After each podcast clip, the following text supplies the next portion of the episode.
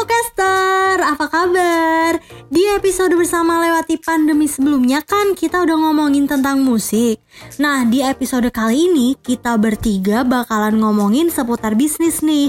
Di sini ada aku, Sinta. Aku Niken. Dan aku Adit. Ngomong-ngomong soal bisnis, menurut Adit sama Niken bisnis tuh apa sih? Kalau menurut aku, bisnis itu kegiatan manusia untuk menghasilkan uang dengan cara menjual produk atau menawarkan jasa. Seperti itu sih, Sin.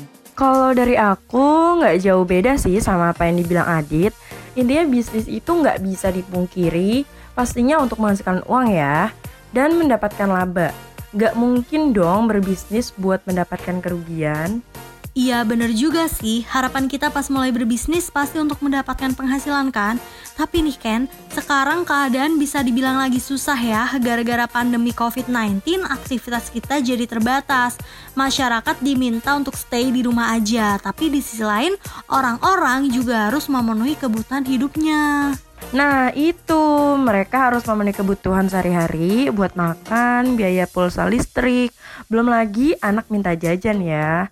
Hmm, kadang sedih juga dengar orang-orang yang diberhentikan paksa karena banyak perusahaan yang mengalami kerugian. Sebenarnya hal itu nggak menghambat orang-orang buat berkreasi sih. Contohnya aja di luar sana orang mulai bisnis di tengah masa pandemi, mulai dari anak muda sampai orang dewasa jatuhnya jadi kayak peluang bisnis ya. Iya bener banget, apalagi kan sekarang zamannya serba online. Jadi semuanya lebih mudah dan praktis. Tapi percuma juga gak sih kalau kita mulai bisnis nih Terus bisnis itu tuh musiman Jadi kalau udah gak musimnya lagi penghasilan kita bisa menurun Maka dari itu, di sini kita mau kasih beberapa rekomendasi usaha atau bisnis jangka panjang versi Focus. Dan semoga Focaster bisa mencoba bisnisnya di tengah masa pandemi kayak gini. Langsung aja kali ya. Yang pertama ada bisnis thrift shop. Thrift shop tuh kayak ngejualin barang-barang bekas yang masih layak pakai, bisa dari luar negeri ataupun dalam negeri. Contoh barang yang dijual tuh bisa baju, sepatu, tas, jam tangan, bahkan perhiasan pun bisa jadiin barang thrift. Oh iya, banyak banget anak-anak muda yang nyoba bisnis ini karena memang nggak ngebutuhin modal yang banyak tapi keuntungannya gede banget. Cocok banget nih sama kriteria anak muda zaman sekarang yang gak mau modal gede tapi keuntungannya banyak, ya nggak sih? Fokuser boleh banget nyoba bisnis ini, kali aja thrift shop kamu sukses besar. Terus bisnis yang selanjutnya apa nih nih Ken? Oke, okay, selanjutnya ada bisnis jual beli bibit tanaman. Gak cuman baju atau makanan, bibit tumbuhan pun bisa dijadiin sumber penghasilan. Aku mau nambahin dikit ya, sebelum mulai bisnis ini kamu perlu riset dulu karena di sini kan targetnya masyarakat secara luas. Jadi kita harus tahu terlebih dahulu tumbuhan awal jenis apa nih atau bunga jenis apa nih yang banyak diminati sama masyarakat. Kayak gitu sih.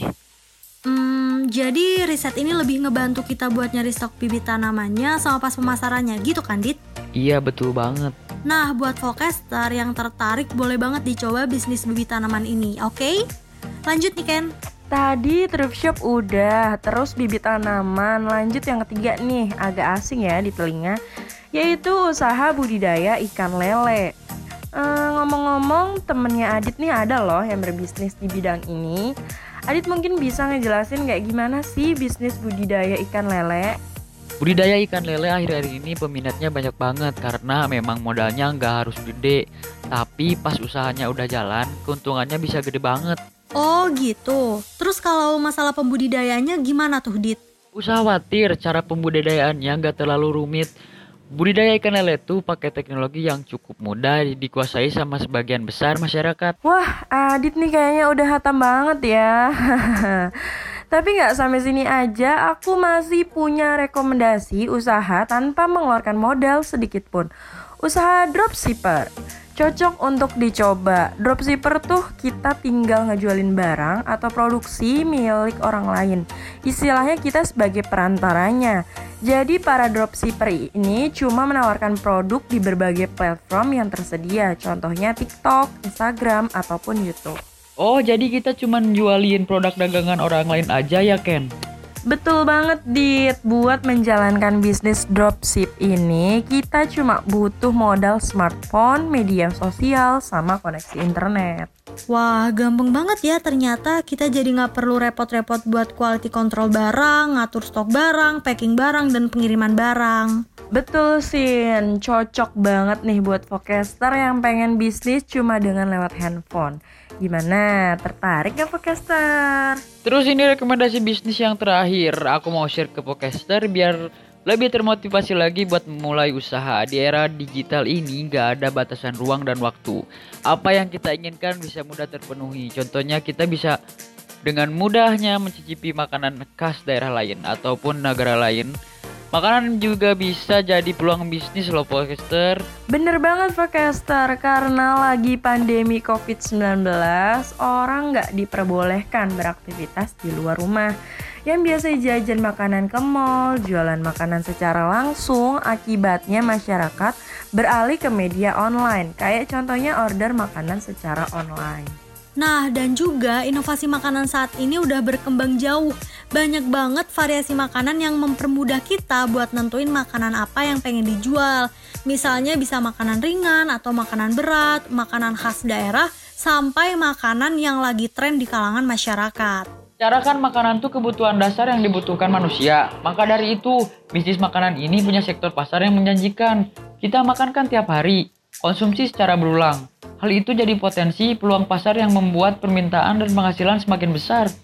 Iya, setuju sih sama Adit.